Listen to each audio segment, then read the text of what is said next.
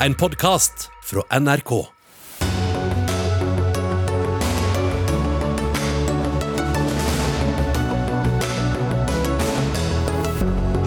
Pandemien sliter stadig mer på mange menneskers syke. Nå er det frykt for at vedvarende strenge smittetiltak kan føre til flere selvmord enn normalt. Et tilbud om flerkulturelle fødselshjelpere står i fare for å forsvinne. Det går utover de mest sårbare kvinnene, sier Sanitetskvinnene, som kjemper for en post på statsbudsjettet. Unngå dårlig luft ute og dropp vedfyring når du har hjemmekontor, mener forsker på luftkvalitet. Skremselspropaganda, svarer vedfyringsbransjen.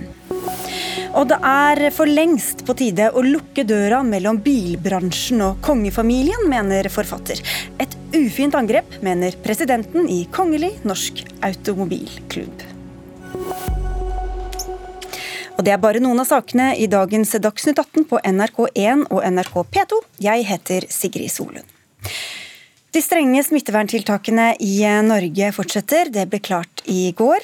Og i dag sa byrådet i Oslo at det samme gjelder for hovedstadens egne regler. Det er forhåpentlig godt nytt for smittesituasjonen, men det er dårlig nytt for mange av dem som kjenner tiltakene tære på den psykiske helsa. Rundt tre av ti har oppgitt at de har symptomer på angst eller depresjon, skriver forskning.no, noe som er tre ganger så mange som ellers. Linda Berg Heggelund, du er generalsekretær i Mental Helse. Hvor mange er det som tar kontakt med dere nå, og hva er det de har på hjertet? Vi merker en sterk økning blant de som tar kontakt med oss med bekymringer om dette med koronaen, og særlig dette her med nedstengning. Eh, når det kommer til barn og ungdom, så har vi fått en økning på antall henvendelser på mental helse-chatten vår med 1700 flere henvendelser som omhandler bl.a. dette her med selvmordstanker og bekymret for egen psykisk helse.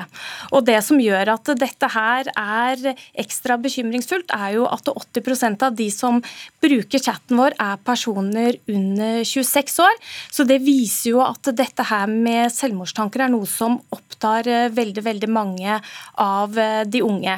I tillegg så har vi også en gruppe som har økt som gjelder studenter, som bekymrer seg for dette her med ensomhet, isolasjon. Kommer jeg meg hjem til jul? Eh, hva skjer med utdanningen min nå når jeg skal gjøre såpass mye fra hybelen og, og slike ting? Så det er rett og slett en usikkerhet om fremtiden man er i nå. Vi har forsøkt å, å finne ut av om eh, selvmordstallene har økt under pandemien. Tok kontakt med Folkehelseinstituttet i dag, men de har ikke oversikt over det ennå. Dobbelt så mange har brukt nødtelefonen til Kirkens SOS med tanker om selvmord som, som i samme periode i fjor. En ting er jo nå, men hva tror du også, eller hva frykter du kan skje med selvmordstallene på, på sikt?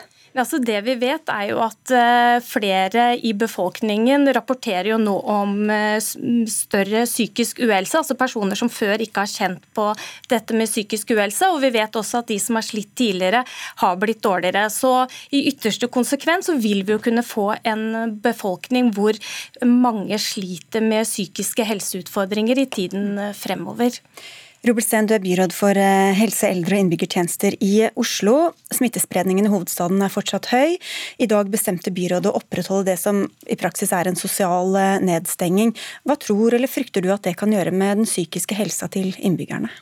Det kommer jo til å bli en stor belastning, og jeg tror vi kan begynne å forberede oss på at eh, denne jobben som korona ble kastet på oss, den kommer jo ikke til å stoppe med vaksinasjonen.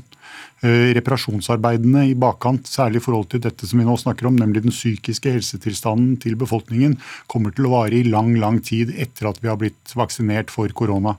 Jeg tenker på alle de som nå mister jobben sin, alle de konkursene vi ser, alle de eldre kvinnene som har mistet mennene sine tidligere og som nå ikke lenger har det sosiale nettverket sitt, de unge som Linda er inne på.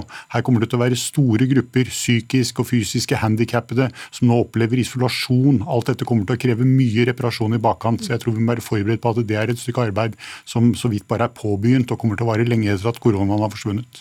Og Dette er jo noe vi så vidt har snakka om eh, som må veies opp mot alle smitteverntiltakene. Bjørn Gullvåg, helsedirektør. Eh, Men hva slags kunnskap sitter dere på når dere skal veie eh, konsekvensene for den psykiske helsen til befolkningen opp mot faren som pandemien utgjør? Det er veldig vanskelige avveininger. og Vi jobber med det hele tiden og har tett kontakt med brukerorganisasjoner. Vi forsøker å samle informasjon. Eh, vi har kampanjer som eh, retter seg spesielt mot eh, psykisk helse. Jobber sammen med frivillige organisasjoner for å mobilisere flere som kan hjelpe til, som kan ha telefoner som man kan henvende seg til. Og, vi har kampanjer nå på, som går på ring til noen, spør noen. Eh, snakk med noen. altså det At vi må ta vare på hverandre og kontakte hverandre. Så Det er en veldig stor oppmerksomhet på dette, men jeg understreker at vi, vi deler helt den virkelighetsoppfatningen som både eh, Oslo kommune gir uttrykk for her, og Mental Helse, at eh, dette blir et arbeid i, i, lang tid fremover.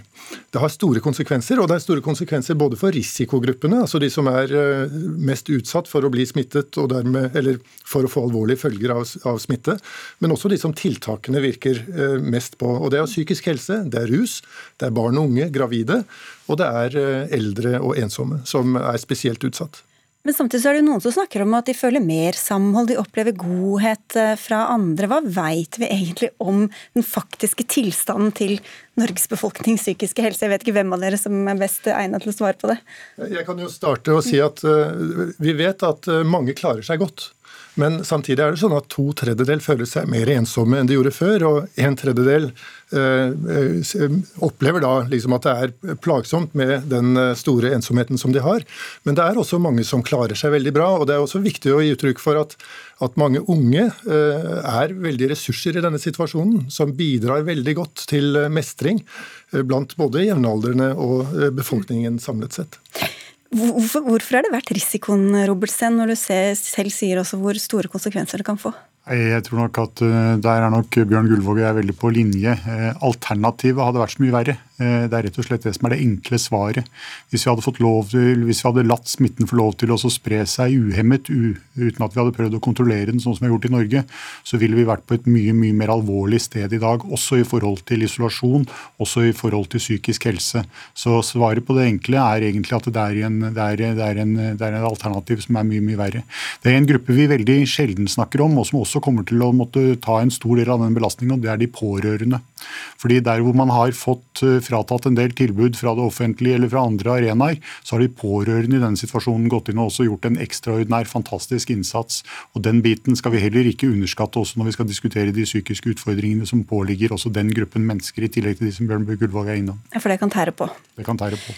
Så får jo dere masse henvendelser i Mental Helse som dere selvfølgelig vil prøve å hjelpe eller vise videre. Men er det et, et, et tilbud der ute til alle dem som sliter?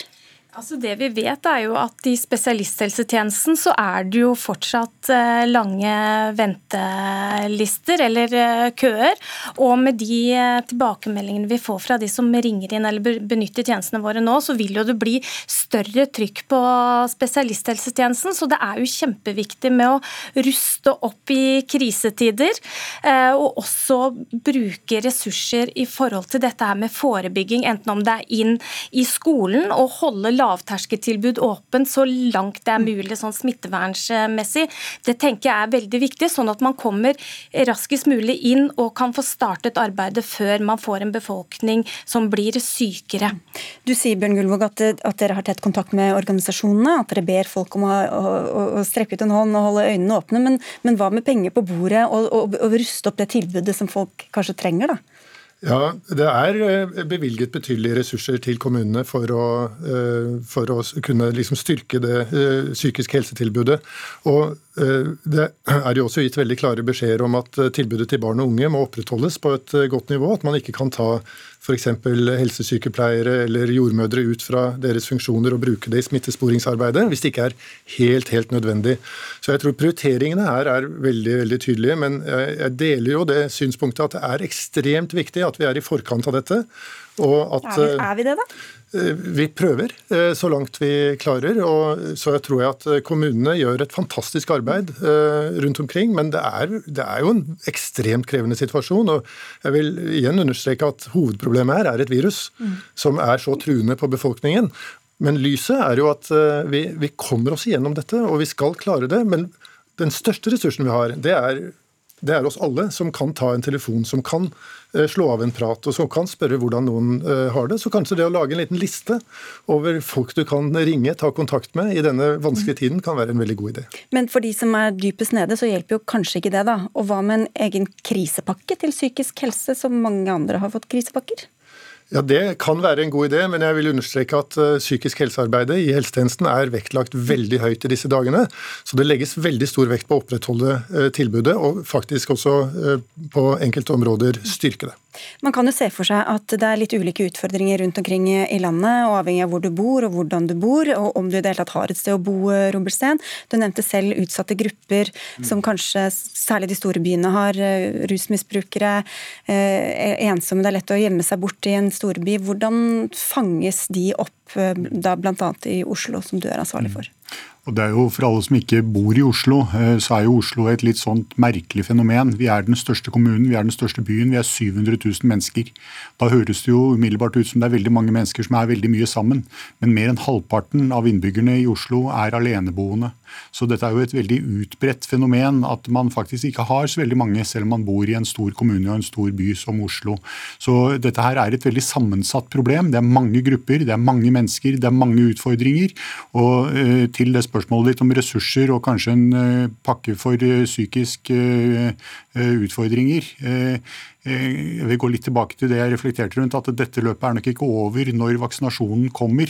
Det er kanskje da den store reparasjonsjobben begynner. Så det at staten er innstilt på at også ressurser skal stilles til rådighet etter at koronaen er slått ned, tror jeg er noe som blir ekstremt viktig framover. Men så sa jo også da, holdt på å si din assistent, din assisterende helsedirektør Bjørn Gullvåg, Espen Nakstad i dag, at det kan komme en tredje bølge etter at vaksinen er over. Det er jo sikkert mange som har sett fram til at vi venter på den vaksinen, da kan kanskje livet komme som normalt.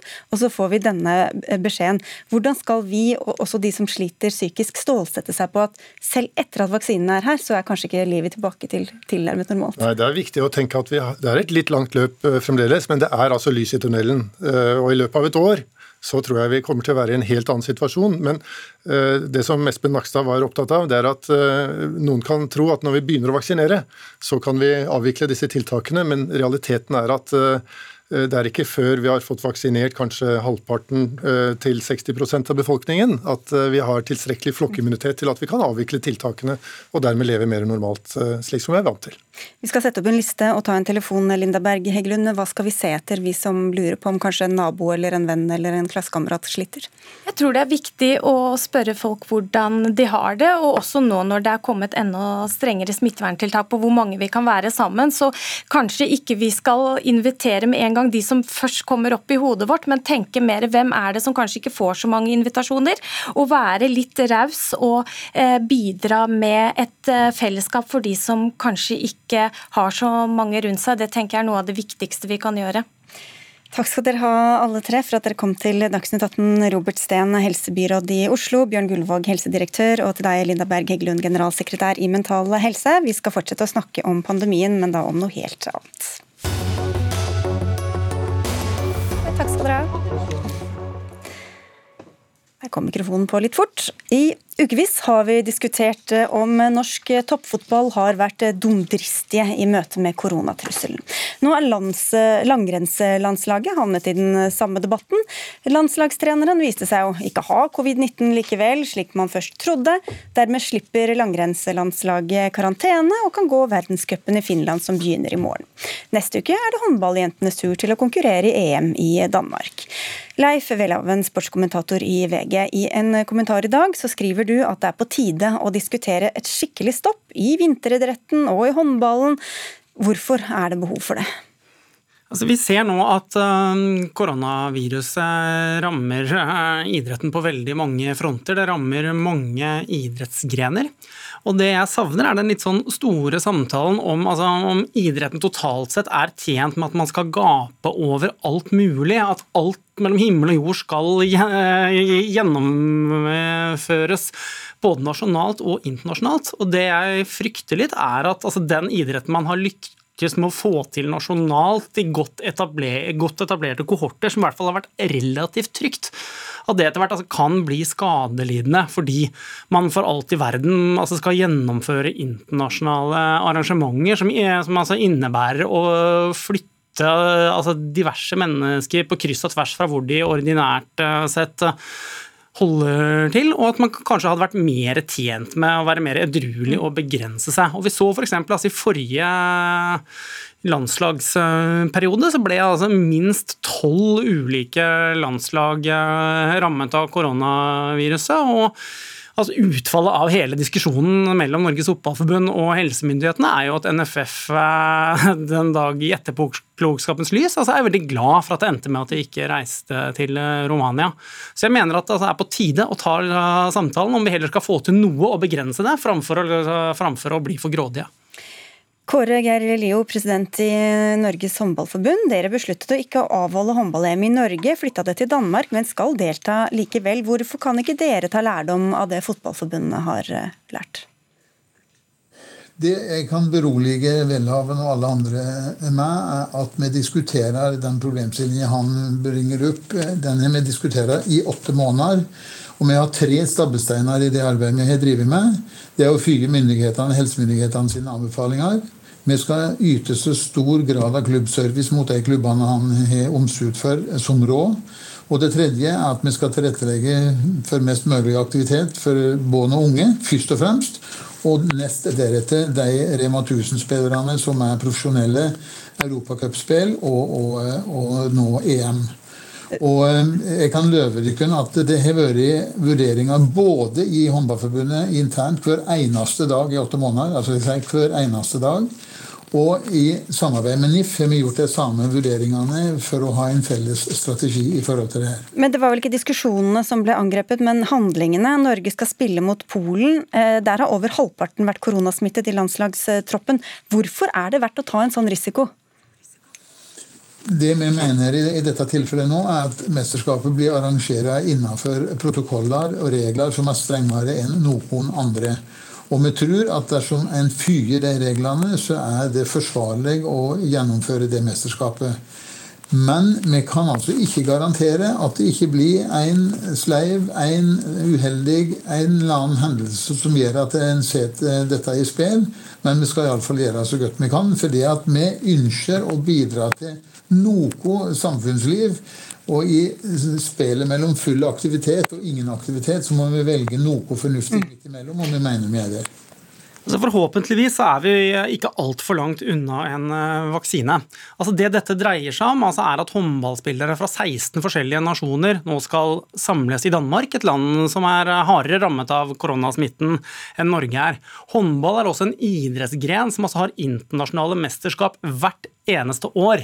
Og med noen ytterst få unntak eh, så er altså håndball en så europeisk dominert eh, idrettsgren at det er de samme nasjonene og de samme spillerne som altså dominerer eh, i år etter år. Så hvis det er én idrettsgren som i den store sammenhengen som altså burde kunne ha, altså, ha tålt å stå over et mesterskap, så må det være håndball. Men dette handler ikke bare om håndball. altså Nå ser vi altså hopp har vært rammet allerede. Skiskyting har hatt fem nasjoner som har vært rammet. Svenskene har vært rammet i alpint. Alarmen gikk i langrenn i dag. En i dommerteamet er rammet i hva gjelder altså Moldes europacupkamp osv. Så, videre. så poenget er altså at idretten, idretten altså rammes på alle mulige bauger og kanter. og På et eller annet punkt så må man måtte heve blikket litt og snakke om er dette helsemessig forsvarlig, og er vi i stand til å ivareta fair play. Ja, for Det er jo ganske enkle regler. altså Vi skal egentlig ikke reise og vi skal ikke møtes så mange av gangen. Eh, Leo. Hvorfor er det verdt det? Nei, Vi gjør dette fordi at vi syns det, det, er et gjennomtenkt og brukbart valg, som alle andre virksomheter. Dette er jo en virksomhet, ikke sant? Men det er jo ingen andre som kan ta det valget enn dere, da? Ja, vi gjør det på vegne av håndball, som NRK gjør det når de skal velge om de skal dekke en sending en annen plass, Beitostølen, Finland, eller om VG skal dra Jo, men jeg mener det er, ingen, det er ingen andre yrker som sier at vi drar 20 eh, stykker til Polen, eller hvor det er, og liksom har business as usual der? Ja, altså vi, gjør det vi kan innenfor de retningslinjene som vi kan operere i. Akkurat som når vi ser at restauranter, flyselskap, Elkjøp, Lager Blackvik, eh, som jeg sa, VG reiser til Østerrike for å dekke en fotballkamp, så er det vurderinger helt sikkert for alle bakom det.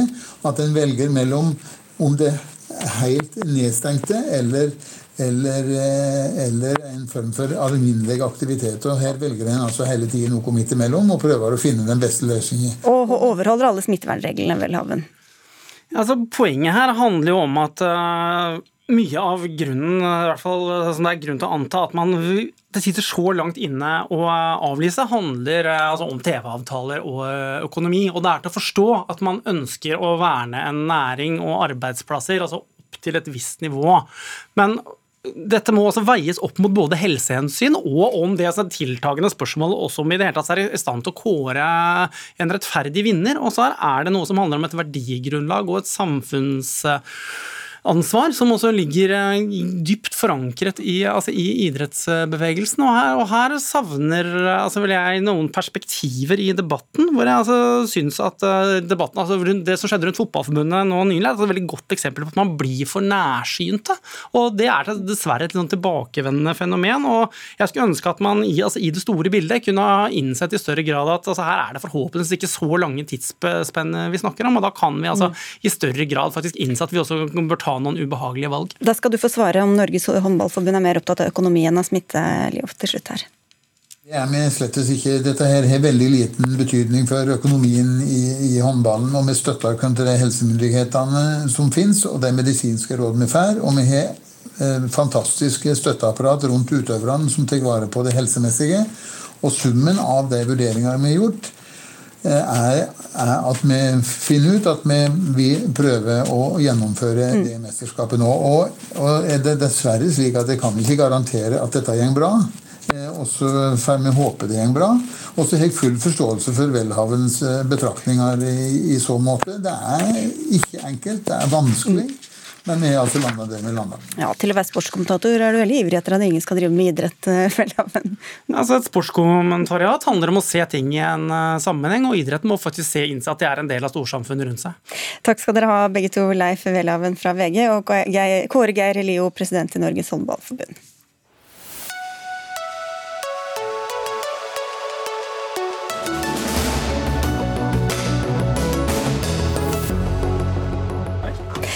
Mange sitter hjemme og jobber for tida. På kalde dager kan det sikkert være både hyggelig og behagelig å fyre litt i peisen eller ovnen, men det kan få uheldige konsekvenser, sier dere forskningsdirektør Britt Ann Høiskar ved NILU, Norsk institutt for luftforskning, og viser til lufta rundt der det fyres.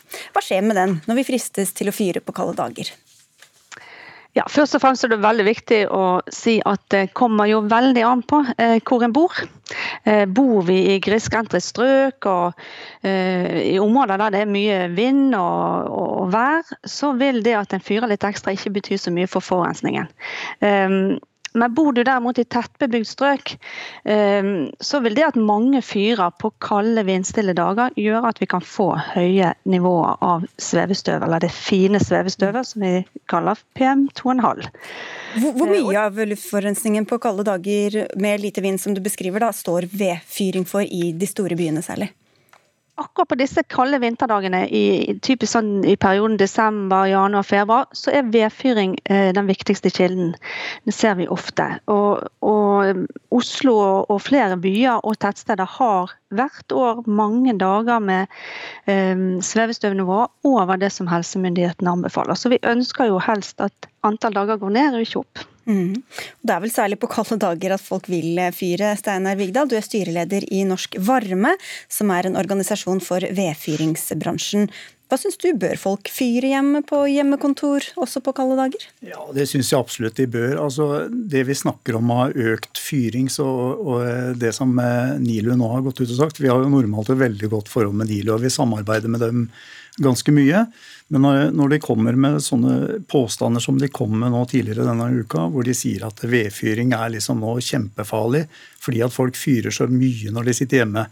Hvis du har et nytt rentbrennende ildsted nå som vi kjemper for at alle bør ha, så er det sånn at du, du kan ikke få fyra så mye at det gjør noe store utslipp i forhold til eh, miljøet. Det som er problemet, det er jo alle de gamle ildstedene, og der er Nili og vi helt enige om at de bør vi få bort og vi bør få nye reinbrennende ildsteder. Men Betyr det at du da sier til alle som ikke har de aller nyeste uh, ildstedene, at de ikke skal fyre? Nei, jeg sier ikke de ikke skal fyre, men jeg syns at de skal tenke på å vurdere å få bytta ut ildstedene sine, få nyere ildsteder. Eh, vi har jo tall som viser, og det er jo fra Sintef, som viser at hvis du får bytta ut alle ildsteder, altså få vekk alle de gamle som er før 1998, så vil du redusere utslipp med 46% eller da vil komme ned til 46 av eh, utslippene som er eh, relatert til ved. Hvis du får vekk alle som er etter eller før 2018, så vil det faktisk være nede på 5% av alt svevestøvutslipp. Mm, sånn at det er viktig å få bytta dem ut. Vi skal høre med deg, Høiskar. Er det bare det som skal til, og da forsvinner problemet? Vi går jo uansett ikke inn i altså Det er ikke nullutslippsløsninger, men det jeg syns er litt viktig å si, er at eh, sånn som eh, situasjonen er nå altså vi har jo, Denne vinteren er jo litt annerledes enn andre vintre. Um, og eh, i Oslo f.eks. så er, har vi den ovnveksten vi har nå. Eh, og når vi allerede har dager, eh, eller hvert år har mange dager med for høye svevestøvnivåer, så er det bakgrunnen for at vi sier at eh, ikke fyr mer i vinter enn du ville gjort et annet år. Og i hvert fall ikke hvis vi går inn i eh, kalde perioder med stillestående luft. Og igjen, Dette kommer veldig an på hvor du bor. Mm. Eh, om du bor der det er mye folk rundt deg, det er tettbebygd og der vi har et forurensningsproblem. Og Det har det jo vært i alle de store byene i, i Norge egentlig de siste årene? Ja, Det varierer jo veldig. Altså, jeg kommer jo selv fra Bergen, som du hører. Mm. Der er det jo mer vind og det er mer, mer, vær enn det er i Oslo. Så det varierer jo veldig mye fordi det er så avhengig av eh, meteorologiske forhold. Så selv om utslippene kan være de samme fra et år til et annet, så kan forurensning, altså nivået i den lufta vi puster, være veldig forskjellig. Fordi det kommer an på hvor mye vind du har som fortynner de utslippene. Det er kanskje vanskelig for alle å følge med på vind... Eller det er ikke så vanskelig, men litt vanskelig kanskje. Men bare et spørsmål, fordi det er jo samtidig mindre mindre biltrafikk nå enn vanlig. Så har vi da litt ekstra å gå på da når det gjelder, når det gjelder fyring nå i vinter? Ja, altså Vi har jo sett på alle målinger. NILO har gjort en analyse av alle målingene i hele Europa på oppdrag for det europeiske miljøbyrået. Og Vi ser jo at covid-19 og de tiltakene eh, har, gjør jo at vi ser en reduksjon i forurensningsnivået. Da Spesielt for NO2, som skyldes eksosutslipp, men òg for svevestøv fra trafikk. Og Det er jo kjempepositivt. Og Det vi ønsker nå er å fortsette inn i vinteren, og ikke ikke på en måte oppheve den eh, gunstige effekten ved at vi mm. fyrer veldig mye mer i de store byene våre. Men det som uh, NILU nå har gått ut og sagt tidligere denne uka, det er jo at uh, det er så mye svevestøv ifra ildsteder fordi at folk fyrer mer, de er hjemme og, og, sånne ting. Og det skremmer jo litt folk bort ifra å fyre med ved, og det skremmer folk bort, så, bort ifra å bytte til ildsted, fordi at de vet jo ikke hva som skjer videre. Hvis vi nå ser på Bergen, så er det jo sånn, hvis du ser på Nansen-senterets rapport fra Bergen, så viser den at hvis du hadde skifta ut alle 44 000 ildsteder i Bergen, fått skifta ut til nye rentbrennende ildsteder, så ville det ingen steder i Bergen som det ville vært helsefarlig øh, å være på en vinterdag. Mm. Høyskar veldig viktig. Vi har ikke gått ut og sagt at det er høye nivåer av svevestøv nå. Det er det ikke. Det har vært, ikke kalde, det har vært en mild vinter så langt i største deler av, av, Norge. Vi sier bare at vi nå når vi skal sitte hjemme, vi vet at folk fyrer normalt mye mer i helgene enn i ukedagene de er på jobb. Nå er vi i en litt annen situasjon. og vi det er det vi bare mm. vil men, ha frem. Men oppfatningen til... Jeg vil bare si én ting til som blir veldig spennende. og det er at Bergen innfører et helt nytt tiltak i år. Fra og med 1.1.2021 så det, blir det forbudt å fyre i gamle vedovner i Bergen. og mm. Det blir veldig interessant. Og, og Det er også noe som Norsk Varme har vært med å utarbeide sammen med Bergen kommune. Ja. og Norsk Varme kom med et forslag allerede i 2012 om at det skulle bli et forbud mot å fyre i gamle ildsteder over hele landet. Da selger dere flere nye det er selvfølgelig en effekt av det, men vi, jo, vi gjør vårt i bransjen. For å, vi bruker veldig mange milliarder på å utvikle ildsteder som skal være mest mulig regnbrennende. Og der ser vi at det går forover som det gjør med biltrafikken. Hvis du ser fra 2006 og fram til 2018, så er det en kjempeutvikling. Og det har vært helt ifra 1998. Så det som er viktig, er at vi får skifta ut ildstedene. det tror jeg du har fått sagt mange ganger nå. Da får det være Ja, ok, veldig kort innpå her, Høiskar. Jeg vil bare si at Vi er overhodet ikke uenige, så jeg skjønner ikke helt uh, den debatten som har vært. Vi vil bare si at i de områdene der vi står i fare for å få helseskadelige nivåer hvis vi får kalde perioder, der skal folk begrense vedføringen sin. Da, det er jo litt at uh, det som dere går ut og sier, det skremmer jo da uh, forbrukerne bort fra å bytte ildsted. Ja, ok. Da sier vi at man skal sjekke vær og vind og temperaturforhold og ildsted, og så får man la samvittigheten råde og kulda etter det. Takk skal dere ha.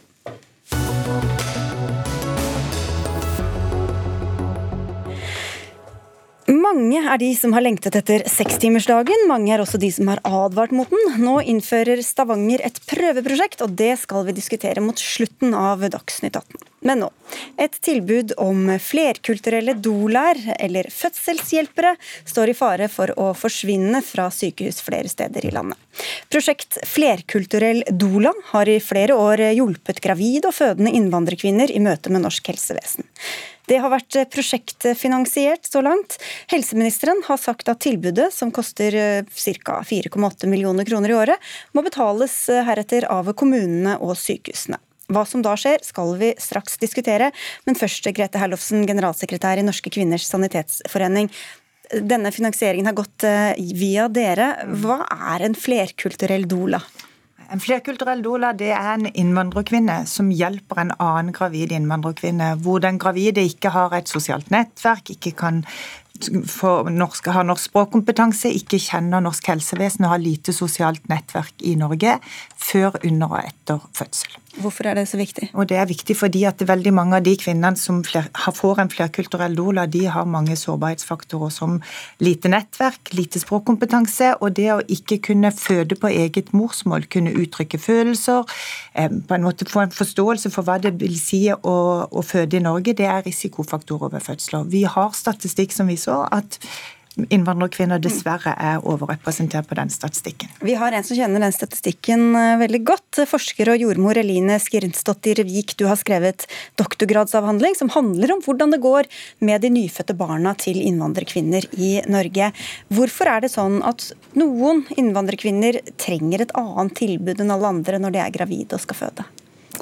Ja, Da vil jeg bare understreke at eh, det er ikke sånn at alle innvandrerkvinner trenger det. Men noen innvandrerkvinner er sårbare, og de trenger en ekstra oppfølging. Og, og sånn som det ble sagt i sted, så kan det være avhengig bl.a. av det språket kvinnen snakker, hvor lenge hun har vært i landet, hva som er årsaken til at hun kom hit, eh, om hun har født barn før. Og da f.eks. det at vi som jordmødre og leger i fødselsomsorgen vi er avhengig av god kommunikasjon og informasjon for å kunne ta gode avgjørelser på vegne av mor og barn i den kommende fødselen. Og også da vite noen ting om de fødslene hun eventuelt har hatt i, før hun kom til Norge. Hvorfor er det sånn at noen innvandrergrupper og kvinner da har økt fare for komplikasjoner i svangerskap, og også hos den nyfødte? Ja, jeg tenker at det handler mye om kommunikasjon, eller da mangel på kommunikasjon. Det handler om tillit eller mangel på tillit. Det handler om kvinnen kjenner til sine rettigheter i Norge, om hun kjenner til sine muligheter. Eh, I det hele tatt så eh, handler det mye om at vi får språklig hjelp, eh, og da kan en flerkulturell doula være ett alternativ, der vi får den kommunikasjonen vi trenger mellom fødselshjelper og kvinnen som skal føde. Mm. Hva slags komplikasjoner er det som kan oppstå både for den fødende kvinnen og for barnet hun føder? Jo, Det vi har funnet i mine studier, er at eh, enkelte sårbare grupper innvandrerkvinner de har en økt risiko for dødfødsel, for prematur fødsel, og for å få en lav Apgar-score etter fødsel. Dvs. Si det er en sånn poengsum som gir til alle nyfødte barn ett minutt, fem minutt og ti minutt etter fødsel, så de er sårbare. Eh, og ved å satse på en innvandrerkvinne i fødsel, tenker jeg at du gir noe positivt både på kort og lang sikt. For for mange innvandrerkvinner så er det første møtet med norske helsevesenet er i forbindelse med nettopp svangerskap og fødsel. Grete Herlovsen, nå står altså tilbudet i fare eh, for å miste finansiering i Lørenskog, Oslo, Trondheim og Drammen fra, fra neste år. Hvorfor det egentlig?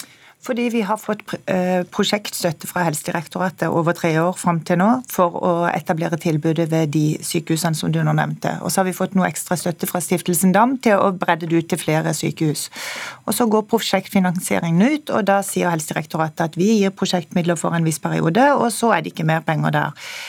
Det som er nesten sløsing med offentlige midler, og i og for seg også litt sånn skyfling med, med, med, menneskers liv og en viktig hendelse i livet, er at hvis vi, skal, hvis vi skal prøve ut prosjekter innenfor helsevesenet som viser seg å ha så god effekt som det dette har, så må vi på et tidspunkt si at dette skal være et tilbud som skal gis til de sårbare kvinnene. Og For oss så er det viktig å kunne videreføre tilbudet når vi nå har vist at vi kan utvikle det og drifte det. Og også helseminister Bent Høie har sagt at ordningen er fin, og at han syns, oppfatter at sykehusene som bruker den, har nytte av den. Mari Holm Lønseth, eh, helsepolitisk talsperson, eller i hvert fall medlem av helse- og omsorgskomiteen på Stortinget for Høyre. Hvorfor skal da ikke dette prosjektet lenger få statlige midler? Det er som du nevner også at Bent Høie har sagt, at dette er et godt og spennende prosjekt. og Det viser jo også hvor nyttig det er for de kvinnene som trenger det. Men hvis man også skal ha dette videre, så har også sykehusene gode rammer også til å eh, finansiere det her. Og hvis sykehusene også ser behov for det, så håper jeg også at de vil fortsette å gjøre det. Og Her er det jo også viktig at kommunene også er med og tar sin del. For det er også klart at skal vi avdekke svangerskap som har for høy risiko, så er noe av det viktigste man gjør, er å ta og følge opp tidlig. Og Det er også en av grunnene til at vi har bl.a. gjeninnført et krav om å ha jordmorkompetanse rundt omkring i kommunene, som gjør at man også kan få en tett og tidlig oppfølging. Men hva viser erfaring da om hvor tungt eh, sykehusene faktisk prioriterer fødselsomsorg? Jeg tror at vi har en vei å gå også når det kommer til fødselsomsorgen. Norge er et av verdens tryggeste land å føde i, og det skal vi også være i fremtida. Og vi ser jo bl.a. at vi har endringer i sammensetninga på dem som føder. Vi blir både eldre når vi føder, og det er flere med minoritetsbakgrunn som føder som kan ha større risiko for komplikasjoner, som også gjør at man må være tydeligere også mot at sykehusene skal prioritere det tydeligere. Og det må jeg nå bare si at det har virkelig denne regjeringa også tatt tak i, vært tydelig. Vi fikk også bestilt en rapport som kom i mars, som helseministeren også har vært tydelig til sykehusene på at de også må prioritere det fremover. Mm. Men, men, for å høre med deg, Erlofsen, Hvorfor tror ikke du at sykehusene kommer til å prioritere dette? For Det er lang erfaring på at dette er et tilbud som skal kofinansieres mellom kommuner med ulik kommuneøkonomi og sykehus med trang sykehusøkonomi.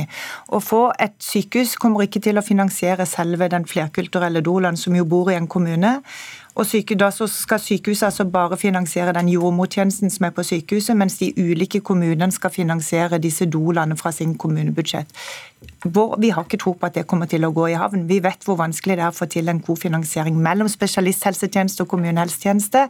Og det er snakk om så lite penger og så få kvinner to totalt sett av den fødebefolkningen som er i Norge per år. Så da mener vi at innenfor det enorme helsebudsjettet Norge har, så bør vi kunne finne rom til denne særlig sårbare gruppa gravide. Det er en god investering å gi barn en god start i livet. Kvinner er forskjellige, og alle fødsler er også forskjellige. Så jeg er skeptisk også til at man politisk skal sitte og peke på ulike tiltak når man også kan ha forskjellige måter å løse det på. Det viktigste for meg er jo at alle får en trygg og god opplevelse på fødsel, både før og etterpå. Og det som også er viktig å si, er at man skal også komme med en Helsedirektoratet jobber også med en revidert veileder for fødselsomsorgen for å sikre at den skal være bra. Og Der er jo f.eks. flerkulturell doula et av flere tiltak som man vurderer også å anbefale å gå for. Men hvis man skal gå for det, så er det også viktig at det er et godt kunnskapsgrunnlag. Det er man allerede godt i gang med å få. Eh, og Det håper jeg jo også at man skal se på også når denne veilederen da kommer. Det er dere sikkert ikke uenig i, men Arbeiderpartiet SV har satt av penger til dette tilbudet i sine alternative budsjetter. Hva hadde vært farlig med å sette av i underkant av 5 millioner kroner til akkurat dette prosjektet, hvis dere synes at det virker godt og fornuftig? Det her handler også om at sykehusene må få ha muligheten til å bestemme hvordan pengene skal brukes. Men hvis de fikk ekstra midler, så hadde de vel ikke takket nei til det? De får jo også ekstra midler neste året. For statsbudsjettet i 2021 så foreslår regjeringa en kraftig styrking av sykehusbudsjettet. En vekst som er også langt utover det som befolkningsvekst skulle tilsi. Så det er klart at sykehusene har fått en styrka sykehusøkonomi som også ville ha gjort dem i stand til å prioritere det her. Og jeg håper virkelig at de ser på gode muligheter for å sørge for at denne gruppa som også trenger ekstra støtte, skal få det også når de skal føde. Nei, ja, jeg, jeg, håper at det er riktig sånn som du sier. Jeg har altså rett og slett ikke tro på at vi kommer til å få til den finansieringen. Og det skal heller ikke være avhengig av hvilken kommune du bor i eller hvilket sykehus du sogner til som sier hvilken type svangerskaps- og fødselsomsorg du skal få. Så hvis vi skal få et nasjonalt tilbud, så trenger vi å kunne gi det likt ved de store sykehusene, og da trenger vi også å få en nasjonal finansiering til prosjektet. Men hvorfor skal vi ha en ordning som en legger opp til at folk eh, eh ikke trenger å lære norsk eller sette seg inn i helsevesenet? Tilbud. Men selvfølgelig trenger de å lære norsk. Og de kommer til å lære norsk, og de kommer til å få en større forståelse for Norge, for norsk helsevesen, for hvordan man er mor i Norge, hvis de får denne flerkulturelle doulaen som kan hjelpe de å bli integrert i samfunnet. Det er en vinn-vinn for alle. Vi hjelper de flerkulturelle doulaene blir integrert, får brukt sin kompetanse til å hjelpe en annen. Sånn at dette er bra for begge, både doland og fødekvinnen. Og ikke minst for den lille babyen som blir født. Og slipper å bli født prematur eller uh, syk. Ja, absolutt. Og vi har en veldig god og trygg fødselsomsorg. Og det er også viktig at man fortsetter å, å styrke den i årene som kommer. Og jeg tror også en av de tingene som vi også kan være tydelige på, at én ting handler også om, om, språk og språkutfordringer. Man har også behov for kanskje også økt bruk av tolk, f.eks. Og her ser vi også at forskjellige sykehus også løser det på forskjellige måter. Og det kan jo også være noe som bidrar til å hjelpe underveis. Det er viktig at vi ser på forskjellige muligheter for å rett og slett styrke tilbudet. For det tror jeg vi, vi begge vil være mm. veldig interessert i at vi gjør tolketjeneste, men det er noe helt annet. Dette er ikke en tolk, det er en fødselshjelper og en kulturell tolk som er noe helt annet enn en språktolk som kanskje kommer inn akkurat i fødselsøyeblikket over FaceTime. Vi må ha litt, eh, litt av begge deler. Det er fortsatt budsjettforhandlinger, alt kan skje. Takk skal dere ha alle tre for at dere var med i Dagsnytt 18. Grete Herlofsen fra Norske kvinners sanitetsforening, Mari Holm Lønseth fra Høyre og Eline Skirnsdottir Vik, som altså er forsker og jordmor.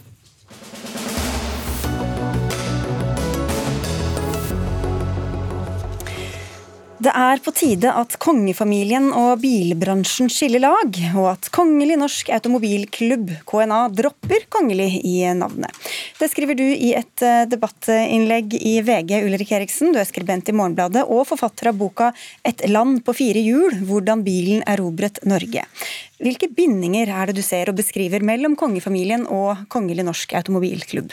Det har jo pågått lenge. Det har jo pågått nesten hele klubbens historie siden 1913, da kong Haakon aksepterte å bli eh, høybeskytter for foreningen. og Dermed så fikk klubben navnet Kongelig norsk automobilklubb. Men den har jo også blitt sementert eh, opp gjennom de siste 100 årene, gjennom, særlig da gjennom en sånn gavepolitikk som har eh, tradisjonelt vært på myndighetsdagen. Olav fikk det i 24. En bil, altså? En bil eh, gratis på myndighetsdagen. Og kong Harald fikk det i 53, var det vel. Og eh, kong Håkon, nei, kronprins Haakon i 91. Mm. Eh, så Det er eh, en del av det. Og så er det også vært mye bindinger i, i forbindelse med arrangementer. Kong Haakon var veldig aktivt medlem. Eh, kong Olav også til en viss grad. Harald har vært litt mer avventende. Men han har deltatt på f.eks. 100-årsmarkeringen til KNA for noen år siden. Hva er problemet med det, da? Nei, Problemet er jo at KNA er en, en politisk interesseorganisasjon som kjemper for lavere avgifter, for høyere fart på veiene, for mer penger til vei. Eh, de har et eget bilpolitisk utvalg. De eh, deltar i høringer, de stiller opp på Dagsrevyen, de stiller opp her antageligvis, både rett som det er, for å kjempe for bilens sak. Og så får de da i tillegg da dette kongelige stempelet, og de har en logo med kronen i, f.eks. Mm. Det er ikke så mange som er det forunt.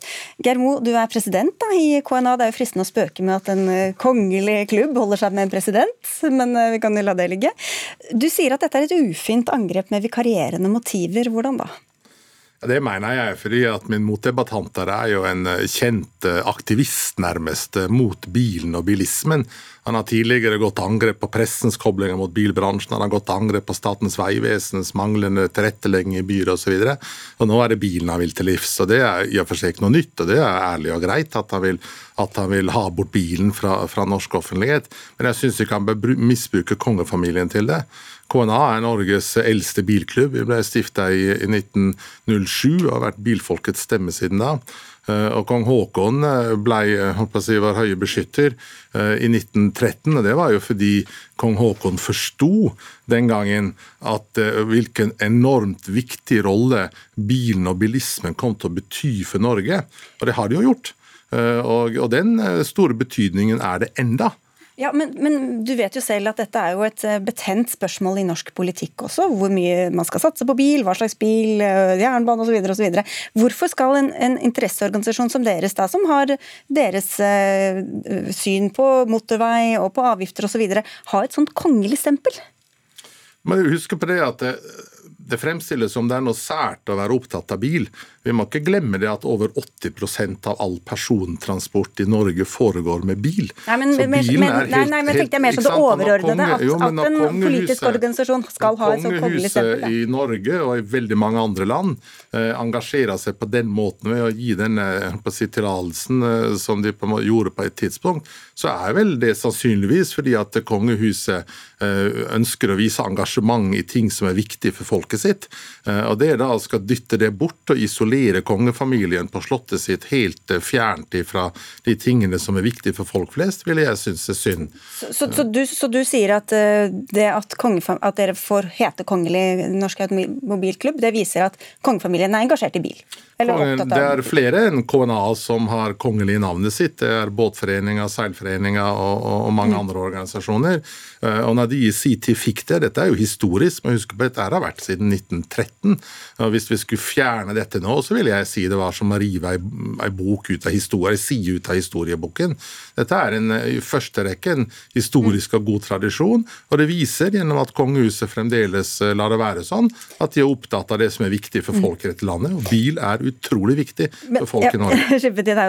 Eriksen, Hva er egentlig forskjellen på de andre organisasjonene som har kongelig navn, og på denne organisasjonen? Ja, nei, Den store forskjellen er jo at f.eks. KNS er først og fremst en idrettsforening. Og Her kunne jo på en måte KNA tatt et valg. KNS, kunne, altså Seilerforeningen? Ja. ja. Eh, KNA kunne gjort et valg nå og sagt liksom, eh, vi legger ned det bilpolitiske utvalget. Vi dropper å være en, en pressorganisasjon. Vi satser på bilsport, som er en viktig del av KNA. Og så er vi en serviceorganisasjon for våre medlemmer, Som med de fordelene det har i forhold til camping og alle de tingene som KNA også driver med.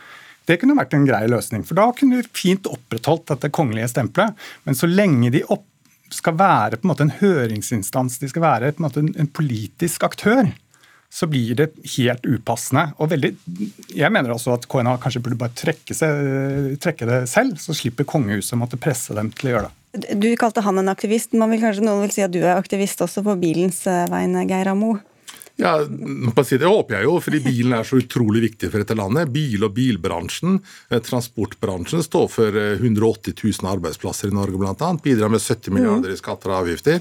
Og vi er helt avhengig av bil i dette landet. Ja. Vi er ikke avhengig av det innenfor Ring 1 i Oslo, Neida, men, men alt utenfor så trenger vi det. Det tar vi en annen gang. Men vi spurte hoffet, som sa at spørsmål om endring av navn må eh, eller må rettes til dere, til foreningen. Men for dere er det helt uaktuelt å endre navn, da? Vi har ingen sånne planer. Vi er stolt og over den eh, tradisjonen og den historien som er eh, KNA står for.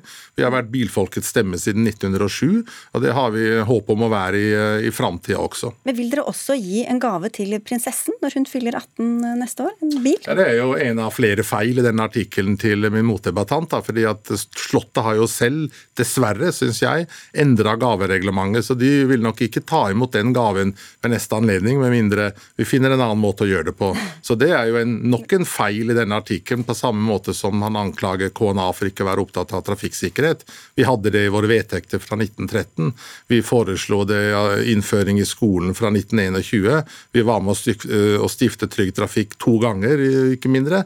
Så, så vi har vært opptatt av trafikksikkerhet og hensynsfull kjøring siden vi ble stifta. Det var også kong Haakon, forresten. Visste du det?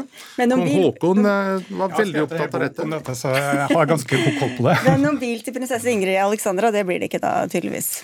Nei, og jeg er veldig glad for at, eh, at Slottet i går gikk ut i, i, VG og presiserte det. Eh, det har ikke vært åpenbart for noen. Jeg tror ikke engang for KNA at det var åpenbart at de ikke ville ta imot det. Ut, Kong Harald har tydeligvis uttalt dette en gang i et TV-intervju på 90-tallet.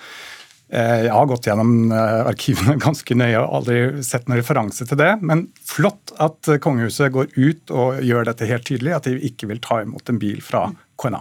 Hadde dere opprinnelig planlagt å stå der med en, en bil? Hvis vi hadde hatt anledning til det, og hvis de vil ta imot en bil, så kommer KNA til å gjøre det. Men eh, det som kom fram i går, eller som du ble kjent med i går, det var jo det gavereglementet som ble endra for ikke veldig mange år siden, der det fremgår at kongehuset ikke lenger tar imot gave fra kommersielle aktører. Visste du det? Kommersiell aktør? KNA er ingen kommersiell aktør. Vi er ikke bilbransjen, vi er en klubb hvis, for, for bilinteresser. Hadde dere planer om å gi det bort da, før dette ble kjent i går? Det har vært en eh, god tradisjon for oss, men når dette gavereglementet ble endra, så må vi så fall gjøre det på en annen måte enn det som har vært gjort eh, tidligere. Og Det har vært en god og hyggelig tradisjon, det òg, og har vært først og fremst en feiring av at tronarvingen vår, eller det kongelige, har blitt 18, og igjen en understreking av hvor viktig bilen er for kongeriket Norge. Ja. ja, ja, ja. Nei, vi, vi, trenger ikke å snakke mer om den gaven, men, men, hvorfor altså, Jeg vet ikke hvor mange som tenker over at det heter kongelig, eller hva, hva altså, hvor, Så lenge de ikke eh, konge, altså, Du beskriver jo selv også at de har sluttet å dukke opp på alle arrangementer. Det er jo ikke så lenge eh, så veldig tette bånd. Hva er egentlig problemet? Nei, altså Det gir en legitimitet til eh, foreningen. Eh, det, det, gjør det jo, helt åpenbart. Altså Ved å ha en sånn logo og ha et sånt navn, så gir det en legitimitet til en politisk interesseforening som jeg tenker at det er litt rart at kongehuset skal, skal gi. da. Litt fint. Eh, vi, vi, det er ikke noe som heter Kongelig norsk selskap for lavere avgifter og høyere fartsgrenser, f.eks. Som sagt, KNA har vært veldig tydelig på trafikksikkerhet siden vi ble stifta. Okay. Eh, og, eh, og, det kan knapt eh, sies å være spesielt å være opptatt av bil i et land som Norge, der altså over 80% av all persontransport faktisk skjer med bil. Og det kommer til å gjøre med utslippsfrie biler i årene fremover. Vi takker av der, så sier vi vel hjem uansett hvilken transportform dere ankom i. Geir Amo og Ulrik Eriksen.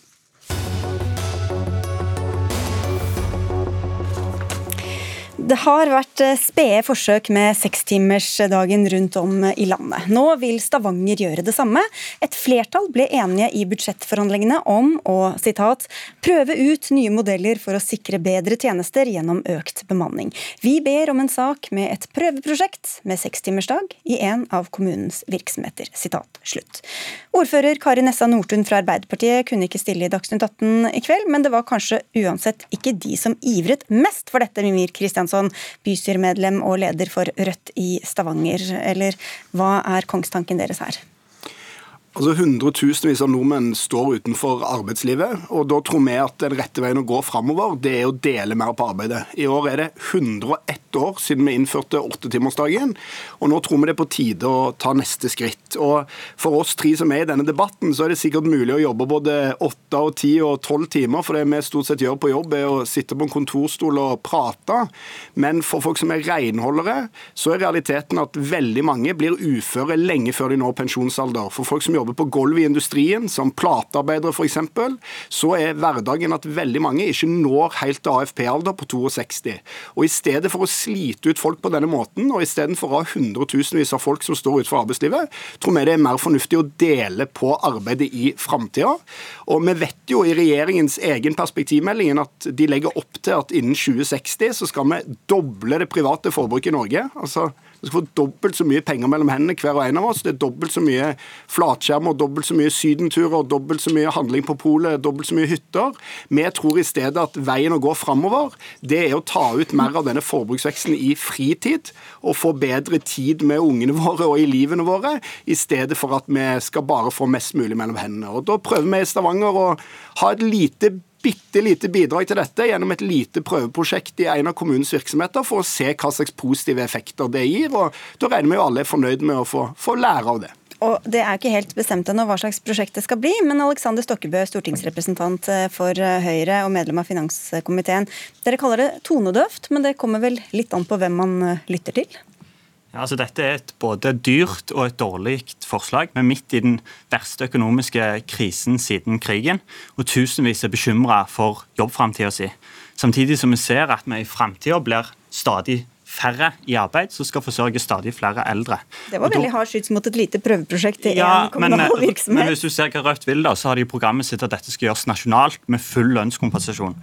Eh, nå er vi i en tid der vi må prioritere det viktigste først. Da er dette et dårlig forslag. Og det høres kanskje fint ut, men det har vært prøvd mange ganger før. Det har vært prøvd i Oslo, det har vært prøvd i Bergen, det har vært prøvd i Tine Meierier. Og i alle tilfellene så har det ikke gått som man har håpa. Sykefraværet har ikke gått nevneverdig ned. Men regningen har kommet, og den har blitt stor. Mm. Så dette forslaget dessverre var dyrt og dårlig. Men de ansatte selv på Tine da, mente jo at det var en ti år lang suksesshistorie, og ikke skjønte hvorfor det skulle bli nedlagt i det hele tatt? Det var ikke dokumenterbart lavere sykefravær, var konklusjonen etter hvert. Det gikk først ned, og så gikk det senere opp. Men forslaget hadde fremdeles store kostnader med seg, og det lot seg ikke forsvare. Kristiansson, eh, ut fra hva du sa, så sa du at du og jeg og uh, Stokkebø vi trenger kanskje ikke kortere arbeidstid. Men betyr det da at noen av oss skal jobbe lenger for å finansiere at andre skal jobbe kortere, eller hvordan skal dette regnskapet egentlig gå opp? Vi støtter jo sekstimersdagen i utgangspunktet som normalarbeidsdag, akkurat som vi har åtte timer som normalarbeidsdag i dag. Men det viktigste er jo å begynne med sliteryrkene.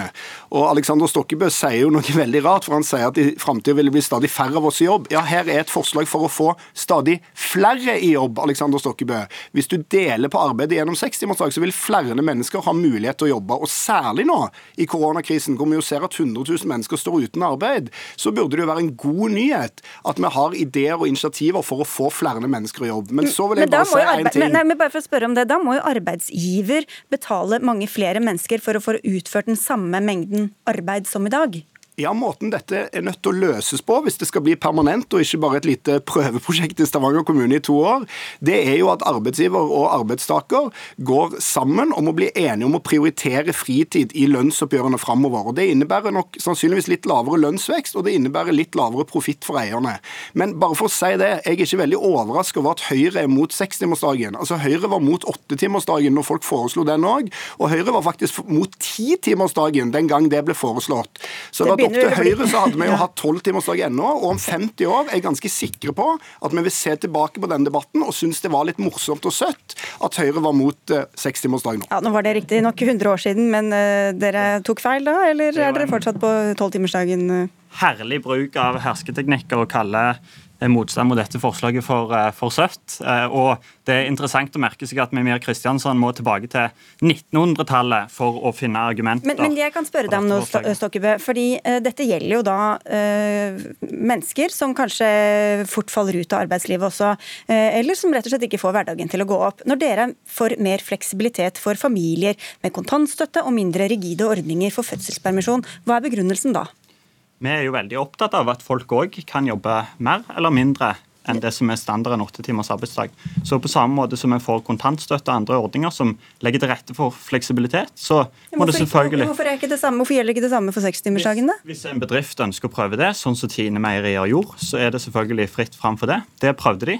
Det var dyrt. Sykefraværet gikk ikke dokumenterbart ned, og derfor ble det forsøket lagt bort. Men, men hva, hvis, hva, hvis dette, hva, hvis, dette, som Kristiansson sier, får flere inn i arbeidslivet, som blir utslitt og kanskje blir uføretrygda i en alder av 60? Ja, nå har det jo vært flere forsøk allerede med dette som ikke har tyda på det, så det er ikke grunnlag generelt for å hevde at dette vil få flere i arbeid. Snarere tvert imot er vår bekymring at dette vil gjøre at en får produsert mindre, og dermed får svekka konkurransekraft, svekka grunnlaget for næringslivet og mindre trygge jobber. Hva kan dette prøveprosjektet Kristiansson, vise som de andre prøveprosjektene da ikke har fått fram? Nei, Forhåpentligvis så kan sånne prøveprosjekter som dette vise hvordan dette arbeidet kan organiseres, og sannsynligvis vise hvordan det har effekter på de ansattes trivsel. Men når jeg er for sekstimersdagen, så er det jo primært fordi at jeg tror det er bra, et gode for mennesker å ha fri og ha fritid. Jeg tror det er bra å ha tid til å være sammen med ungene sine. Så når vi ønsker sekstimersdagen, så er jo det å forstå som en forbedring av vilkårene for folk i Norge. Og jeg syns det er utrolig rart å høre på Alexander Stokkebø Høyre når man snakker om dette med å få folk i jobb, fordi at realiteten Sannheten er jo at man kan godt moralisere og komme med ting at i framtida må alle stå lenger i arbeid, og vi må jobbe mer, osv., osv. Det kan man moralisere over. Men realiteten er at det nytter jo ikke bare å kjefte på renholdere og platearbeidere som sliter seg ut. Ryggene deres og knærne deres blir ikke noe friskere av det. Sånn at hvis du skal gjøre noe for å ha et mer inkluderende arbeidsliv, og vi ser jo med bekymring på at mange mange hundre tusen mennesker i Norge står utenfor arbeidslivet, ja, da må vi finne smartere måter å organisere arbeidslivet på. Og så er jo mitt spørsmål til Alexander Stokkebø. Hvorfor i alle dager vil Høyre prioritere en dobling i det private forbruket de neste årene? For Norge skal jo bli veldig mye rikere de neste årene. Stokkebø. Så hvorfor er det det som er den viktigste prioriteringen, og ikke prioritere i stedet at man vil ha tid og eh, frihet til å være f.eks. sammen med familien, eller til mm. å slappe av? Skal Stokkebø få svare? Det er ikke den viktigste prioriteringen. Kristiansson. Den viktigste prioriteringen er å få flere i jobb. Da må vi skape mer. Da er ikke løsningen som ditt parti foreslår, å sende landets bedrifter vi, og hardtarbeidende arbeidsfolk en kjempestor skatteregning. Men hvis, hvis arbeidstakerne vil i forhandlinger velge å få mer fritid i stedet for mer penger, er det OK? Da har vi tillit til at partene finner ut av det. Så, så vi er opptatt av at dette ikke er noe vi ønsker å nasjonalt styre inn som en ordning. For det vil være kostbart og lite hensiktsmessig og ikke å svekke konkurransekraften i norske bedrifter. Det har partene prøvd før. F.eks. på Tine Meieri. Det lykkes ikke, det var dyrt, og det ble skrota. Dere, vi får se. Først eh, får dere lykke til med å finne en, en bedrift, eh, Mimmi Kristiansson. Vi rekker ikke mer i dagens Dagsnytt 18. Takk for at du var med, og takk til deg, Alexander Stokkebø fra Høyre. Dag Dørum, Helje Svensson og jeg, Sigrid Solund, takker for følget, og ses igjen i morgen. Og høres.